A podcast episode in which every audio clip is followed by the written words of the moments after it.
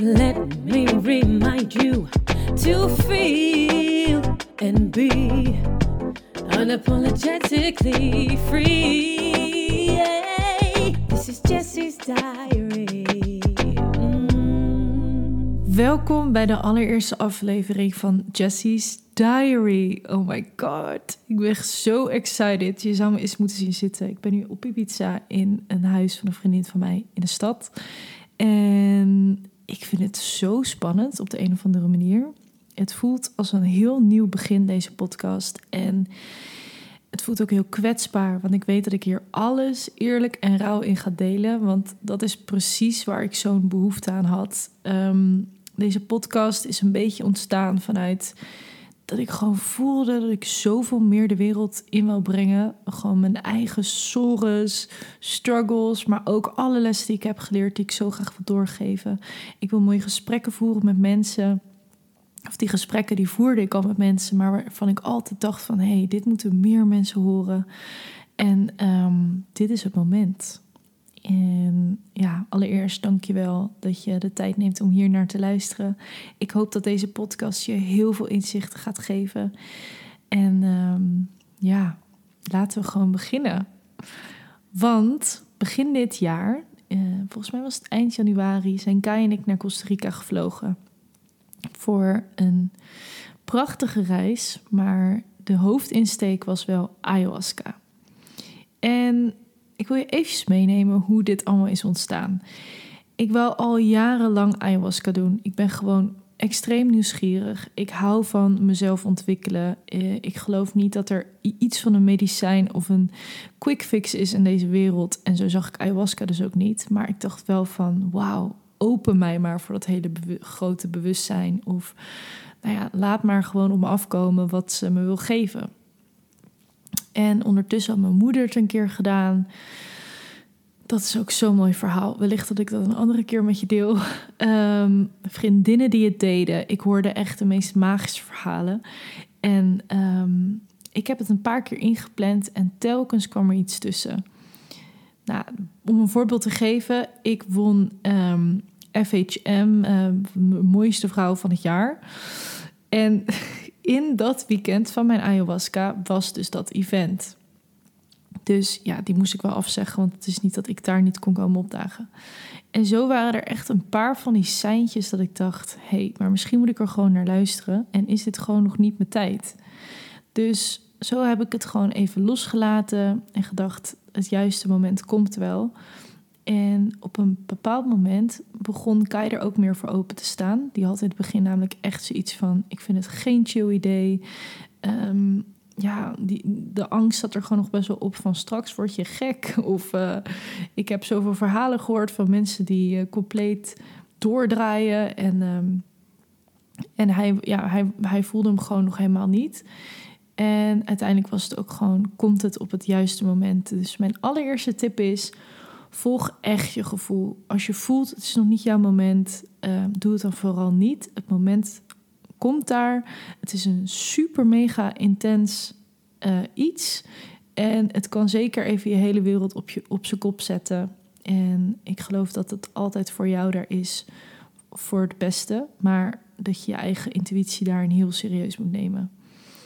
Goed, dus uiteindelijk lagen we op bed en we waren een documentaire aan het kijken. En daar kwam een plek voorbij. Rhythmia heet het. En Kai en ik keken elkaar aan en we dachten: oh mijn god, dit is het. Hier willen we naartoe.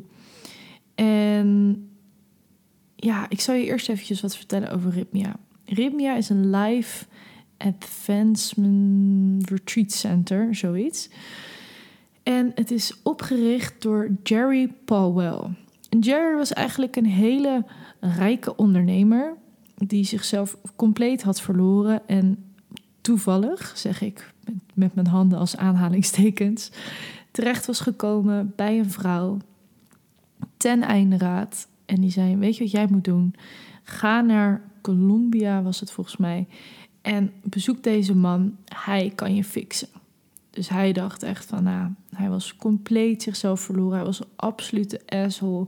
Hij ging alleen maar aan op geld. Hij ging vreemd. Hij deed iedereen om hem heen eigenlijk pijn. Hij was mega verslaafd aan eigenlijk alles waar je maar verslaafd aan kan zijn. En is dus als soort van laatste hoop naar die man toe gegaan. Waarin hij dus ayahuasca heeft gedronken. En hij heeft daar een hele bijzondere ervaring gehad. Namelijk een gesprek met Mrs. Moon. En Mrs. Moon kon hem precies vertellen wat, hem, wat zijn missie eigenlijk was. En wat hij uit dit proces zou halen. En wat hij daarvan uit zou creëren. En zijn leven is compleet veranderd. Hij is met Mrs. Moon gaan samenwerken en daaruit is Ritmia ontstaan. Maar wat ik zo tof en ook wat mij een heel veilig gevoel gaf. Je zit niet ergens in de rimboe voor de eerste keer zo'n ervaring te beleven en je hebt geen idee waar je aan toe bent. Hij heeft, is een soort van man van de statistieken. Dus hij, je hebt ook een bandje, daarmee kijkt hij of je bij elke sessie aanwezig bent. Hij berekent precies hoeveel percentage van de mensen hun miracle ontvangen. Daar zou ik zo nog wat meer over uitleggen. Ehm, hij uh, maakt er dus gewoon echt van ieder persoon een soort van halve studie. En die cijfers worden ook aan jou laten zien. En waardoor je gewoon zoiets hebt van: wow, oké, ik ben hier echt in de juiste handen. Je hebt van tevoren een medical check. Uh, je hebt allerlei integratielessen. Al met al dacht ik: oké, zo'n eerste keer wil ik gewoon hier ervaren, want het voelt gewoon heel safe. Oké. Nou, wij in het vliegtuig Costa Rica we hadden nog een week voordat we naar Ritmia zouden gaan. En eigenlijk waren we vooral aan het afkicken van alles en nog wat. Ehm, want je mag van tevoren mag niet drinken, roken, um, suikers, ook zo min mogelijk laten, vlees. Nou, dat had ik toen sowieso niet. Nou, er waren gewoon een aantal dingen waar je gewoon beter mee kon stoppen. Dus ik was volgens mij al um, meer dan een maand van tevoren gestopt met drinken. Dat is trouwens niet helemaal waar, want in het vliegtuig hadden we nog gewoon prosecco gedronken. Oepsie. Nou ja, in ieder geval, we zaten daar een beetje heel nerveus te doen met elkaar, want we hadden geen idee wat ons te wachten stond. En het was een soort van de stilte voor de storm. Uiteindelijk um, rij je dus het, een soort van het dorp in. Het is echt een kleine village met allemaal huizen. En je komt aan en er staan twee prachtige dames je op te wachten. En uh, je moet gelijk allerlei formulieren invullen. Ze zijn super lief. Op het bord staat al de hele planning van de week. Dus naast de, de ceremonies heb je dus overdag yoga en integratielessen en andere workshops. Dus die hele week is eigenlijk voor je gepland. Dat vond ik mega fijn. En um, alles is dus zo gecreëerd dat jij je miracle ontvangt. En een miracle kan een mega doorbraak zijn. Het kan een mega inzicht zijn. Het kan zijn dat jij misschien wel in contact bent gekomen met iets uit jouw verleden wat jou hield. Het kan letterlijk van alles zijn. Maar dat er miracles gebeuren, daar is dat is gewoon echt, ja, uh, geen, hoe zeg je dat? Dat is een feit. Want er zijn bijvoorbeeld mensen die gewoon met tumoren naar binnen gaan en terugkomen zonder tumor. En dat de dokters een scan maken en denken: holy hell, hoe kan dit? Nou, dus je kan je voorstellen, je hebt best wel grote verwachtingen. Ik heb al die verhalen gehoord. We hebben het ook eens over miracles. Wat zou mijn miracle dan zijn? En um, ja, dat was ook wat het zo spannend maakte. Nou, we starten op een gegeven moment die hele week. En je bent er met 80 man, waar ik in het begin dus een beetje panisch voor was. En ik dacht, 80 man, holy shit, is dat wel chill? Maar uiteindelijk was dat echt magisch. Echt super magisch. Dus je leert elkaar een beetje kennen. En um, je moet dus door de, door de medical, um, door de artsen die laat, ga je helemaal testen of je ja, dit allemaal, of je lichaam het aan kan. En er gebeurt nog iets heel grappigs, want ik had een mega ingegroeide teennagel. En het deed echt vet zeer. En ik dacht ineens, ik heb natuurlijk antibiotica zalf op die teen gesmeerd. En dat mag helemaal niet, want antibiotica is, uh, weet je, dat mag je niet nemen voordat je ayahuasca gaat drinken. Dus ik dacht, nee, shit, ik moet het wel zeggen. Dus ik naar die arts toe, dus hij zegt, nee, dat is oké, maar laat me even naar je teen kijken. En hij zegt, ja, we moeten het opereren. En ik denk, serieus? gewoon vlak voordat ik die ayahuasca-sessie ging beginnen, word ik nu geopereerd. En ik kon Kai het niet eens meer vertellen. En die hoorde ik op de gang kletsen. En ik zat alleen maar te denken: oh mijn god, ik lig hier gewoon. En ik was best wel bang voor die mini-operatie, omdat ik hem eerder heb gehad. En die verdovingsprikken doen echt vet veel pijn.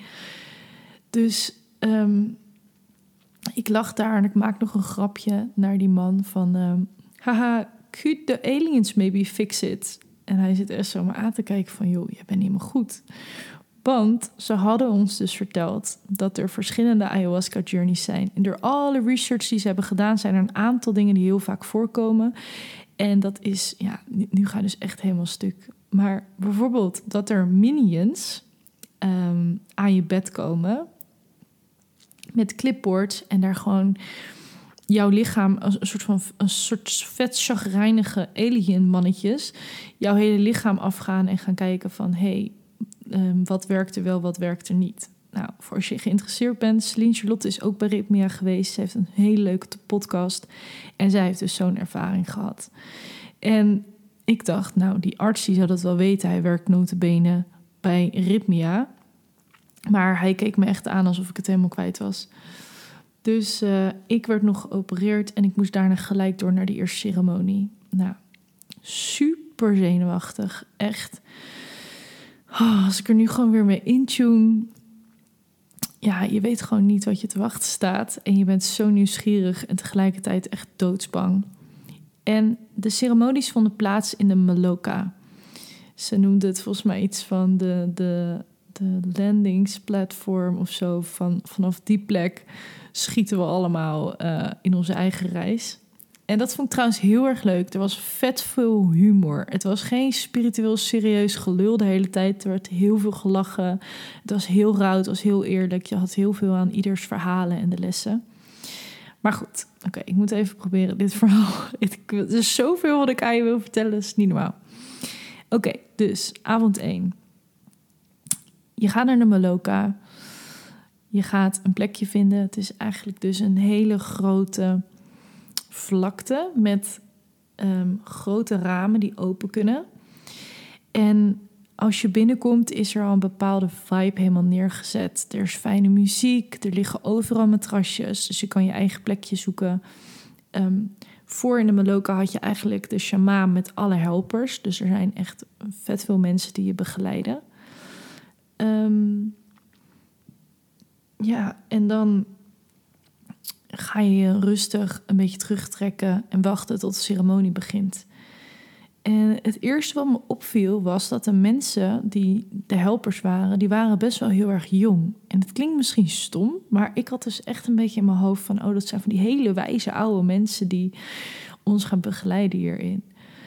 En tijdens mijn re- reis begreep ik ineens ook waarom zij zo jong nog waren. Maar daar kom ik straks. Dus ik kan me herinneren dat ik dat door me heen ging. En we hadden al als advies gekregen dat Kai en ik niet in de buurt van elkaar moesten liggen, omdat je dan toch te veel met elkaar bezig bent. Stel, iemand gaat heel slecht en ik zou, Kai of ik hebben dat door van elkaar. Nou, echt, dan wil ik waarschijnlijk helpen en dan ben ik veel te veel bezig met hem of hij met mij. Dus we gingen echt heel dramatisch elkaar zo'n knuffel geven en allebei aan de andere kant van de Maloka liggen.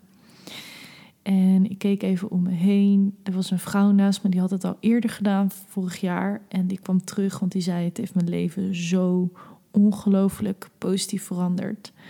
En ehm, ja, ik heb zo'n mooie band met moeder ayahuasca gevoeld. En ik wilde het nog een keer ervaren. En eh, nou, prachtig. Ehm, er was een jongen naast haar, die was heel zenuwachtig. Was hij tijdsland kwam mij. Nou, in ieder geval, de connectie die je voelt met de mens daar, dat is echt insane. Je bent gewoon een soort familie geworden. En nu, een half jaar later, komt Taylor, een van onze eh, vriendinnen die we daar hebben ontmoet, die kom- komt ook nog naar Ibiza. Het is echt insane wat voor vriendschap je daar legt. Echt voor het leven. En op een gegeven moment, de muziek gaat uit. En de shamaan begint te praten. Hij begint eerst iets over wat hij voelt, over de energie. Ehm, hij geeft heel veel tools mee. In de sessies in de lessen krijg je ook heel veel tools mee van oké, hoe kan je ermee omgaan? Hoe kan je ayahuasca met haar reizen? Hoe kan je het navigeren? Ehm, en ik vond het ook heel prettig dat de shamaan het nog eventjes zei voordat je ging beginnen. En eigenlijk kwam het erop neer dat je gewoon heel erg in overgave moet zijn. Zij weet dat het beste is voor jou. En ik praat ook als een zij, omdat ik dus ook echt heb ervaren dat het een spirit is wat je meeneemt. Dus ik snap ook echt moeder ayahuasca. Het is een soort moederenergie. Ze kan heel hard zijn. Ehm, maar hoe meer je eigenlijk haar vertrouwt en aan haar overgeeft, hoe beter het is. En daarna gaan ze het medicijn gaan ze blessen. Dus dan gaan ze met rook en veren en trommels en dan gaan ze eromheen dansen en zingen. En daarna gaat iedereen rusten naar zijn plek en moet je twee rijen maken. Nou ja, oh, als ik er nu weer mee intune, krijg ik gewoon weer helemaal diezelfde sensaties. Dus je staat in die rij en je loopt naar, dat, naar de shamaan toe. Die geeft je een, een shotglaasje. En hij heeft het vast en dan fluistert hij soort van iets in het glaasje. Zo van... Oh nee, oh ja, hier heb ik ook nog heel veel grapjes over gemaakt altijd. Hij zegt dan oeska, oeska, oeska. En dan geeft hij het aan jou. En dan kan jij nog even uh, je intentie zetten. En bij Rhythmia werken ze met drie verschillende intenties. Eerst, of stadiums moet ik bijna zeggen. De eerste deel waar je doorheen mag gaan is Show me who I have become. Als je die helder hebt, dus dat kan misschien, soms heb je ze alle drie helder in de eerste sessie, soms in je laatste. De meeste mensen, ja, door de, de vier nachten dat je het achter elkaar doet, krijg je telkens weer een soort van puzzelstukje. Um, en het werkt dus heel goed, omdat um, dit heeft dus die Jerry doorgekregen of in gesprek met Mrs. Moon werd dat heel erg helder. Dit is wat ayahuasca doet. En door het dus tastbaar te maken hebben mensen houvast tijdens hun reis. Dus braaf ging ik naar in mijn glaasje fluisteren. Oké, okay, Mother Ayahuasca, show me who I have become. Oké, oké, oké, thank you, thank you, thank you. En ja, je shot hem dus echt naar binnen in één keer. Het is niet lekker. Het is best wel drapperig. Um, het deed me een beetje denken aan een soort van anijs, wat er ook wel een beetje in zat. Um, het is een beetje hele earthy smaak. En ik vond vooral de dikte wat heftig. Dus je moet echt een beetje je, huig openzetten en gewoon hats. En dan daarna zeggen ze ook dat het beter is om niet te veel water te drinken, want um, dat is niet een goede mix of zo. Dus ik spoelde dan daarna altijd mijn mond en uh, spuugde het uit in mijn emmertje. En dan is het afwachten. En ik, heb, ik ga soms dus tussendoor stukjes uit mijn dagboek voorlezen. Die ik heb opgeschreven tijdens mijn, uh, of na mijn ayahuasca-reis. Het heet uh, tenslotte de Jessie's Diary. Maar ik vind het heel mooi om, uh, hoe heet dat? Omdat het zo rauw was in dat moment. Maar goed, dus ik zit daar te wachten. En eigenlijk waar ik best wel heel erg bang voor was, waren um, de eerste momenten dat mensen gingen overgeven. Ik had best wel een fobie voor kotsen. Um, ik heb een keertje MDMA gedaan. Toen was, dat, toen was ik er soort van overheen gegroeid. Omdat met MDMA soort van alles lekker. Dus toen vond ik dat overgeven ineens ook niet meer zo erg. Maar als kind ben ik soort van bijna gestikt en daarna was ik gewoon bang. Maar ik vind het geluid heel erg, de geur. Ik, ik dacht, oh mijn god, ik zit hier met 80 man, mensen. Als die met z'n allen in synchroon gaan kotsen, word ik niet gek. Dus ik was er best wel bang voor. En ik moet zeggen, de eerste, het moment dat ik de eerste woorden overgeven, had ik wel zoiets van, oh god, joh, waar ben ik aan begonnen? En ik probeerde gewoon te denken, oké, he's releasing. Ze noemen het ook purging, van het letterlijk het schoonmaken van je hele lijf en je ziel en je geest en van alles. Het is alleen maar mooi. Maar ik had daar flink wat weerstand op. En de eerste, ik had dus één cup op en ik ben eigenlijk als een soort space shuttle de ruimte ingevlogen. Want um, dit was wel echt een nou, het waren allemaal heftige nachten, maar dit was wel echt een hele heftige nacht. Het begon dat ik kleuren begon te zien en patronen. En volgens mij noemen ze dat de pita uh, reis. Dus sommige mensen zien dat een hele reis. En ja, het was zo'n kaleidoscoop van vroeger, weet je wel, waar die je bij de Bart Smit kon kopen, waar je dan zo doorheen kijkt en dat dan die kleurtjes veranderen. En ik zag dat heel subtiel eigenlijk in de lucht. En het waren allemaal verschillende soorten, kleuren groen. En ik weet wel, dus ik voelde van, oh god, het gaat beginnen. En dat ik nog best wel heel erg in de weerstand zat. Ik probeerde mezelf constant gerust te stellen van, hey Jess, je bent veilig, het is allemaal oké. En ehm, op een gegeven moment weet ik dat ik een enorme angst ervaarde. Maar echt een doodsangst. En ik had geen idee voor wat. Als ik er nu ook zo aan terugdenk, heb ik nog steeds geen idee waar ik zo bang voor was. Maar ik weet dat ik. Ehm, ik heb hier ook opgeschreven. Ondertussen hoorde ik mensen overgeven en ik vond het allemaal heel intens om dat te horen. Maar met de tijd versmolt alles. Tijd, mijn emoties. Ik kon niet meer plaatsen wat ik hoorde en ik was super bang. Echt zo bang. Er liepen helpers rond en eentje was bij me gaan zitten. En ik had me helemaal vastgeklampt aan haar. Ik kon alleen nog maar zeggen: Please don't leave me. Please help me. I'm so scared. Ik voelde me doodziek en ik kwam er niet vanaf. Oh ja, dat weet ik ook nog. Dat ik echt, gewoon echt alsof ik een soort van mega griep had. Dat ik echt helemaal ziek was ervan. Ik ging door golf van emoties heen, van doodsbang. En op een gegeven moment kwam ik in een soort animatiewereld. Het was prachtig, maar zo eng tegelijkertijd. En dit was dus zo apart. Ineens ben je dan uit die angst. En ik keek om me heen en ik zie een soort animatiewereld. Gewoon net zoals dat die films van Disney um, ja, vormgegeven zijn. En ik kijk naar de Meluka en ik zie schaduwen en ik zie wel dat de Moloka is, maar het ziet er gewoon compleet anders uit. En op een gegeven moment ehm, heb ik mijn ogen dicht. En ik zag dus, maar daar kwam ik pas later achter, want ik zag het in mijn hoofd. Dus niet zoals jij nu jouw omgeving ziet, maar gewoon in je hoofd. Misschien meer te vergelijkbaar met een droom zag ik dus een alien, echt als avatar, die de hele tijd tegen me zei: Jessie, you're a healer. En ik was de hele tijd die alien aan het negeren, want ik wil helemaal geen healer zijn. En uh, ik had zoiets van: dat ben ik helemaal niet. En uh, wat, dit, dit is flauwekul. Dus ik probeerde haar eigenlijk gewoon een beetje te negeren. Maar op een gegeven moment kwam ze steeds weer terug.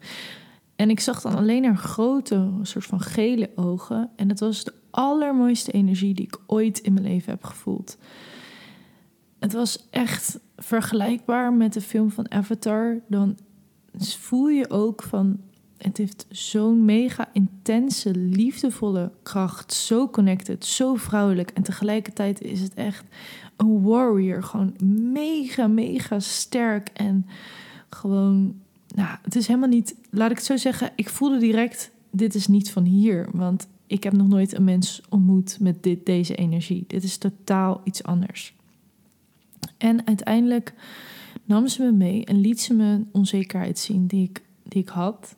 En ze zei, uh, ze liet zien dat ik me bijvoorbeeld wel eens zorgen maakte over hoe kan ik nou helemaal mezelf laten zien. En um, denken mensen dan niet dat ik dit ben? Want die, hoe kan ik nou al die facetten van mezelf laten zien? Dat is onmogelijk. En in een split second, dat is dus zo raar. Er gaat helemaal niet tijd overheen om iets te snappen. In een split second snap je het. Zag ik waarom alles op welke op de perfecte manier gebeurt. Dus dat mijn moeder eerder ayahuasca had gedaan. Dat ik um, verbonden was met die. Dat ik die als vriendin had ontmoet, die ik bijvoorbeeld nu nooit meer spreek. Maar gewoon hoe het een web is van, waarvan wij denken: oh, dat is niet zo Maar hoe dat allemaal een meaning heeft. En ja, dit zijn dus van die dingen, ik kan het je onmogelijk uitleggen. En ieder woord schiet tekort. Want onze taal is gewoon niet gemaakt om dit soort ervaringen uit te kunnen leggen. Maar ze nam me dus mee naar die dimensie waar dat allemaal heel normaal was. Dus het was letterlijk, je schudt je hand. hey, ik ben Jessie. I'm a healer. I'm this. En bla bla bla. En het was niet eens al die emoties die wij hier hebben van... is dat wel waar? En is het niet overdreven? En is het arrogant? Of al dat menselijke bestaat letterlijk niet daar. Het is gewoon geen onderdeel van die realiteit. En terwijl ik dat zag, weet ik nog dat ik echt dacht: oh, wow, yeah. Zo van, oh, of course, now I get it. Weet je wel, zo. Maar iets in mij was zo bang niet meer terug te gaan naar aarde. En dat ik dacht, straks dan is mijn lichaam gewoon hier achtergelaten en woon ik ineens daar. En uh, ben ik dus inderdaad gestorven aan ayahuasca. Want ik snap nu hoe, waarom mensen hier dood aan gaan. Terwijl er gaan, dat is ook allemaal bangmakerij. Maar in ieder geval, dat ging er toen een soort van in mijn hoofd om. En tegelijkertijd voelde ik dus ook de energie van die dementie, dat, dat, dat, dat ik ook echt niet met mijn lichaam daar kon zijn. Ik kon daar alleen als ziel naartoe reizen, omdat ons lichaam is niet eens capabel om um, daar te leven.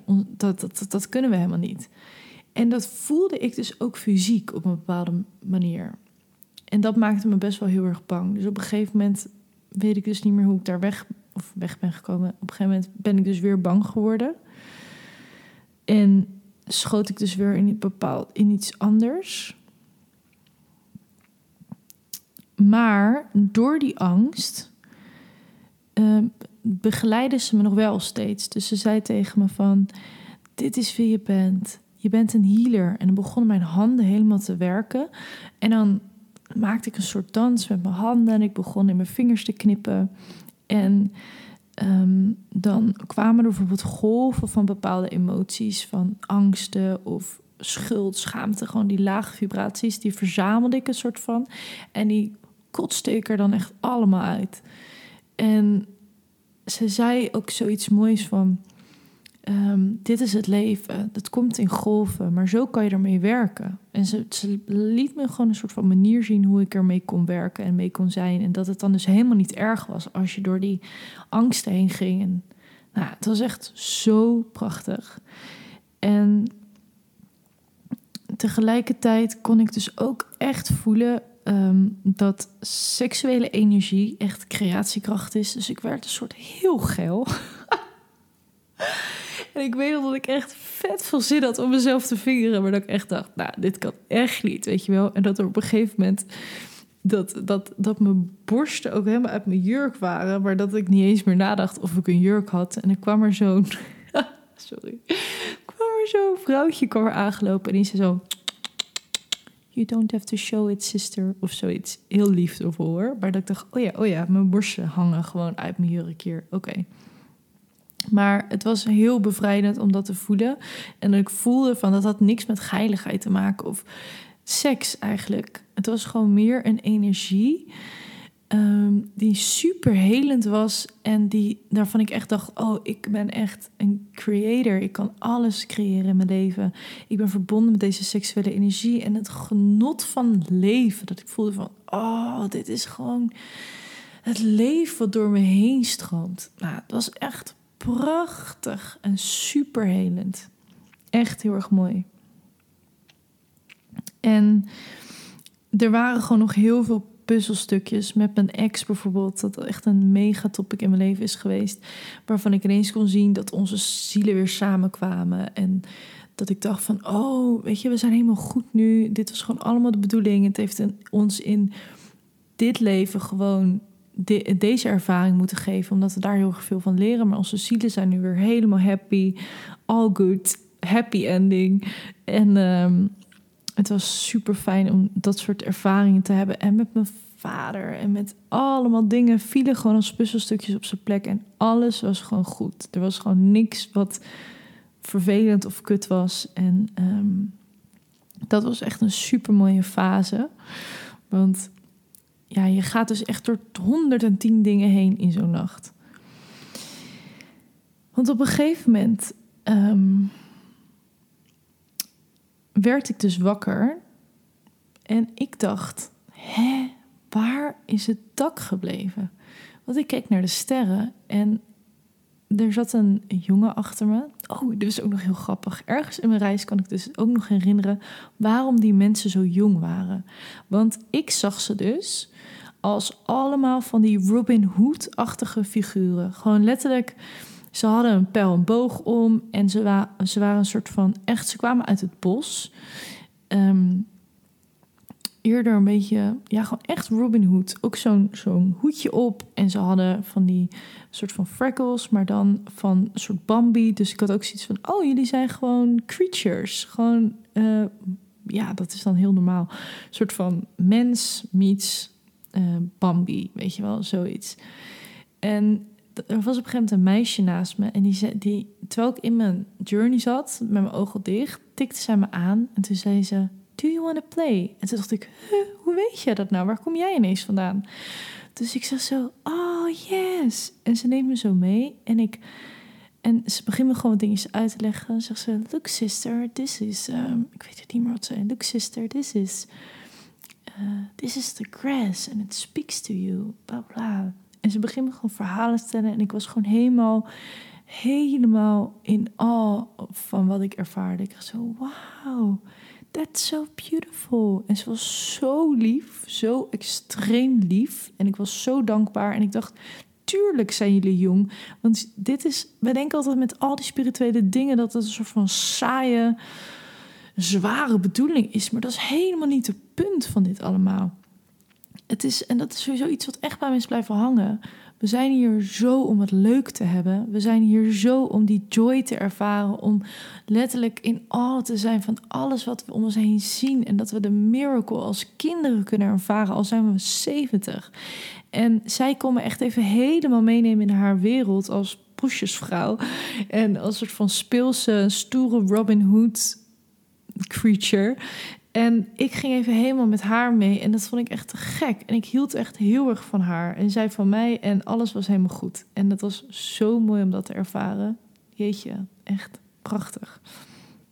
En op een gegeven moment werd ik dus wakker naast die jongen... die ook weer zo'n hoedje op had met een veertje. En nou, het had zo de broer kunnen zijn. En ik zeg... Dus hij, ik word wakker en hij zegt... Hey, sister. Ze noemen je trouwens altijd sister of brother. Zo tegen een man zeg je dat how are you? En ik zei iets van, um, where's the roof?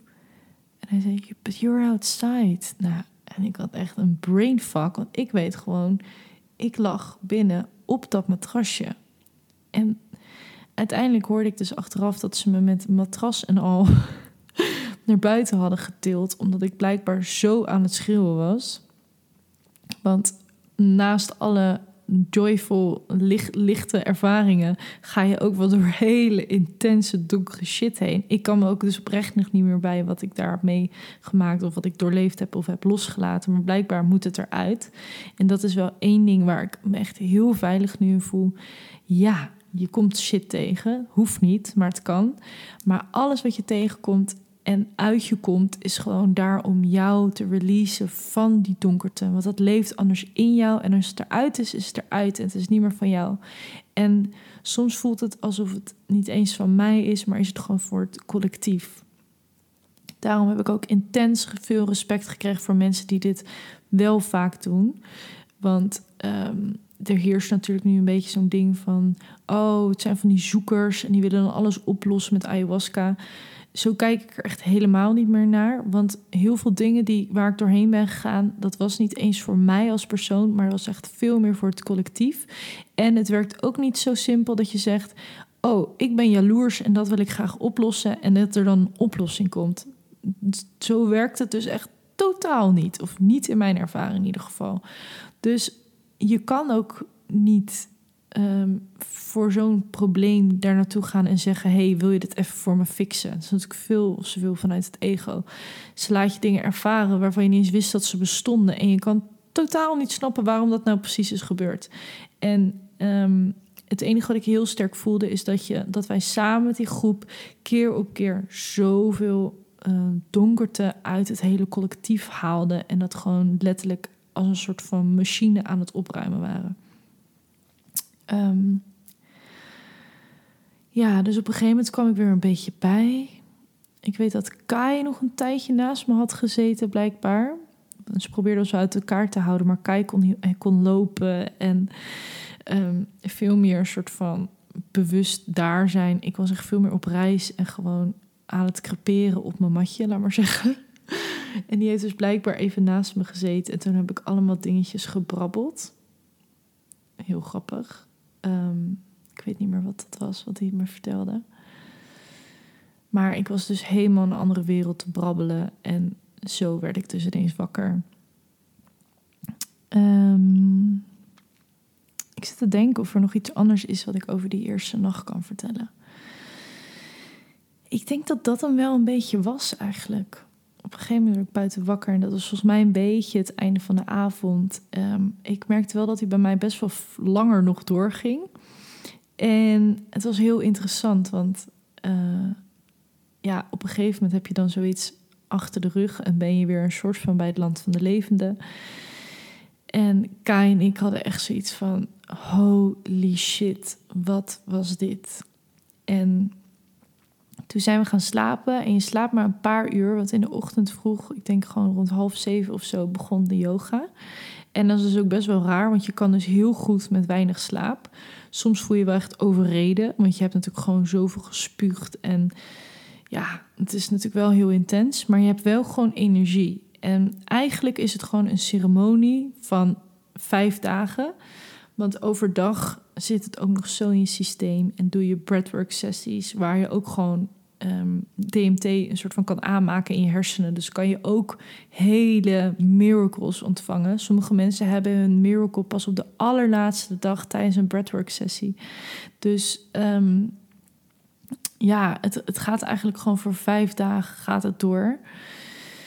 En ik weet gewoon nog dat we dat ik dacht, dit was zo insane. Ik heb hier zoveel documentaires over geluisterd. Ik heb zoveel podcasten geluisterd. Ehm, maar deze had ik echt niet zien aankomen. En eigenlijk was ik best wel bang dat ik dacht: holy shit, ik ga dit nog drie nachten doen. Dat is echt heel intens. Dit was de inleiding en mijn eerste nacht ayahuasca. Ehm, ik hoop dat je genoten hebt van al mijn avonturen en dat je heel benieuwd bent naar de rest. Want in aflevering 2 en 3 ga ik je nog helemaal meenemen door de rest van het avontuur. En ook met uh, ja, wat het dus nu voor me heeft gedaan. Want ik denk dat dat wel misschien het allermooiste um, is om te delen. Dus deel dit verhaal met je vrienden. Als je denkt, oh, die is zo benieuwd naar ayahuasca of die twijfelt ook om het te doen, deel het. En um, ja, daarnaast wil ik nog even zeggen, dit is totaal mijn ervaring. Het is voor iedereen anders. En um, volg je eigen gevoel hierin. En doe het altijd bij mensen die hier heel ervaren mee zijn, die jou kunnen begeleiden hierin. En integratie is ook super belangrijk dat wordt vaak onderschat met dit medicijn. Maar integratie is alles. Um, dus laat je goed adviseren naar welke plek je gaat, met wie je het doet. Um, en wie de, wie de shamaan is. Want dat uh, zijn echt. Dit is een medicijn waar je echt moet weten hoe je ermee om moet gaan. En niet iedereen kan dat begeleiden, denk ik. Dus volg daarin ook je gevoel. Voor nu, dankjewel voor het luisteren. Ik uh, hoop jullie te zien of te, horen, of te voelen bij de volgende aflevering. En uh, heel veel liefs van mij. Let me remind you to feel and be unapologetically free. Yeah. This is Jessie's diary.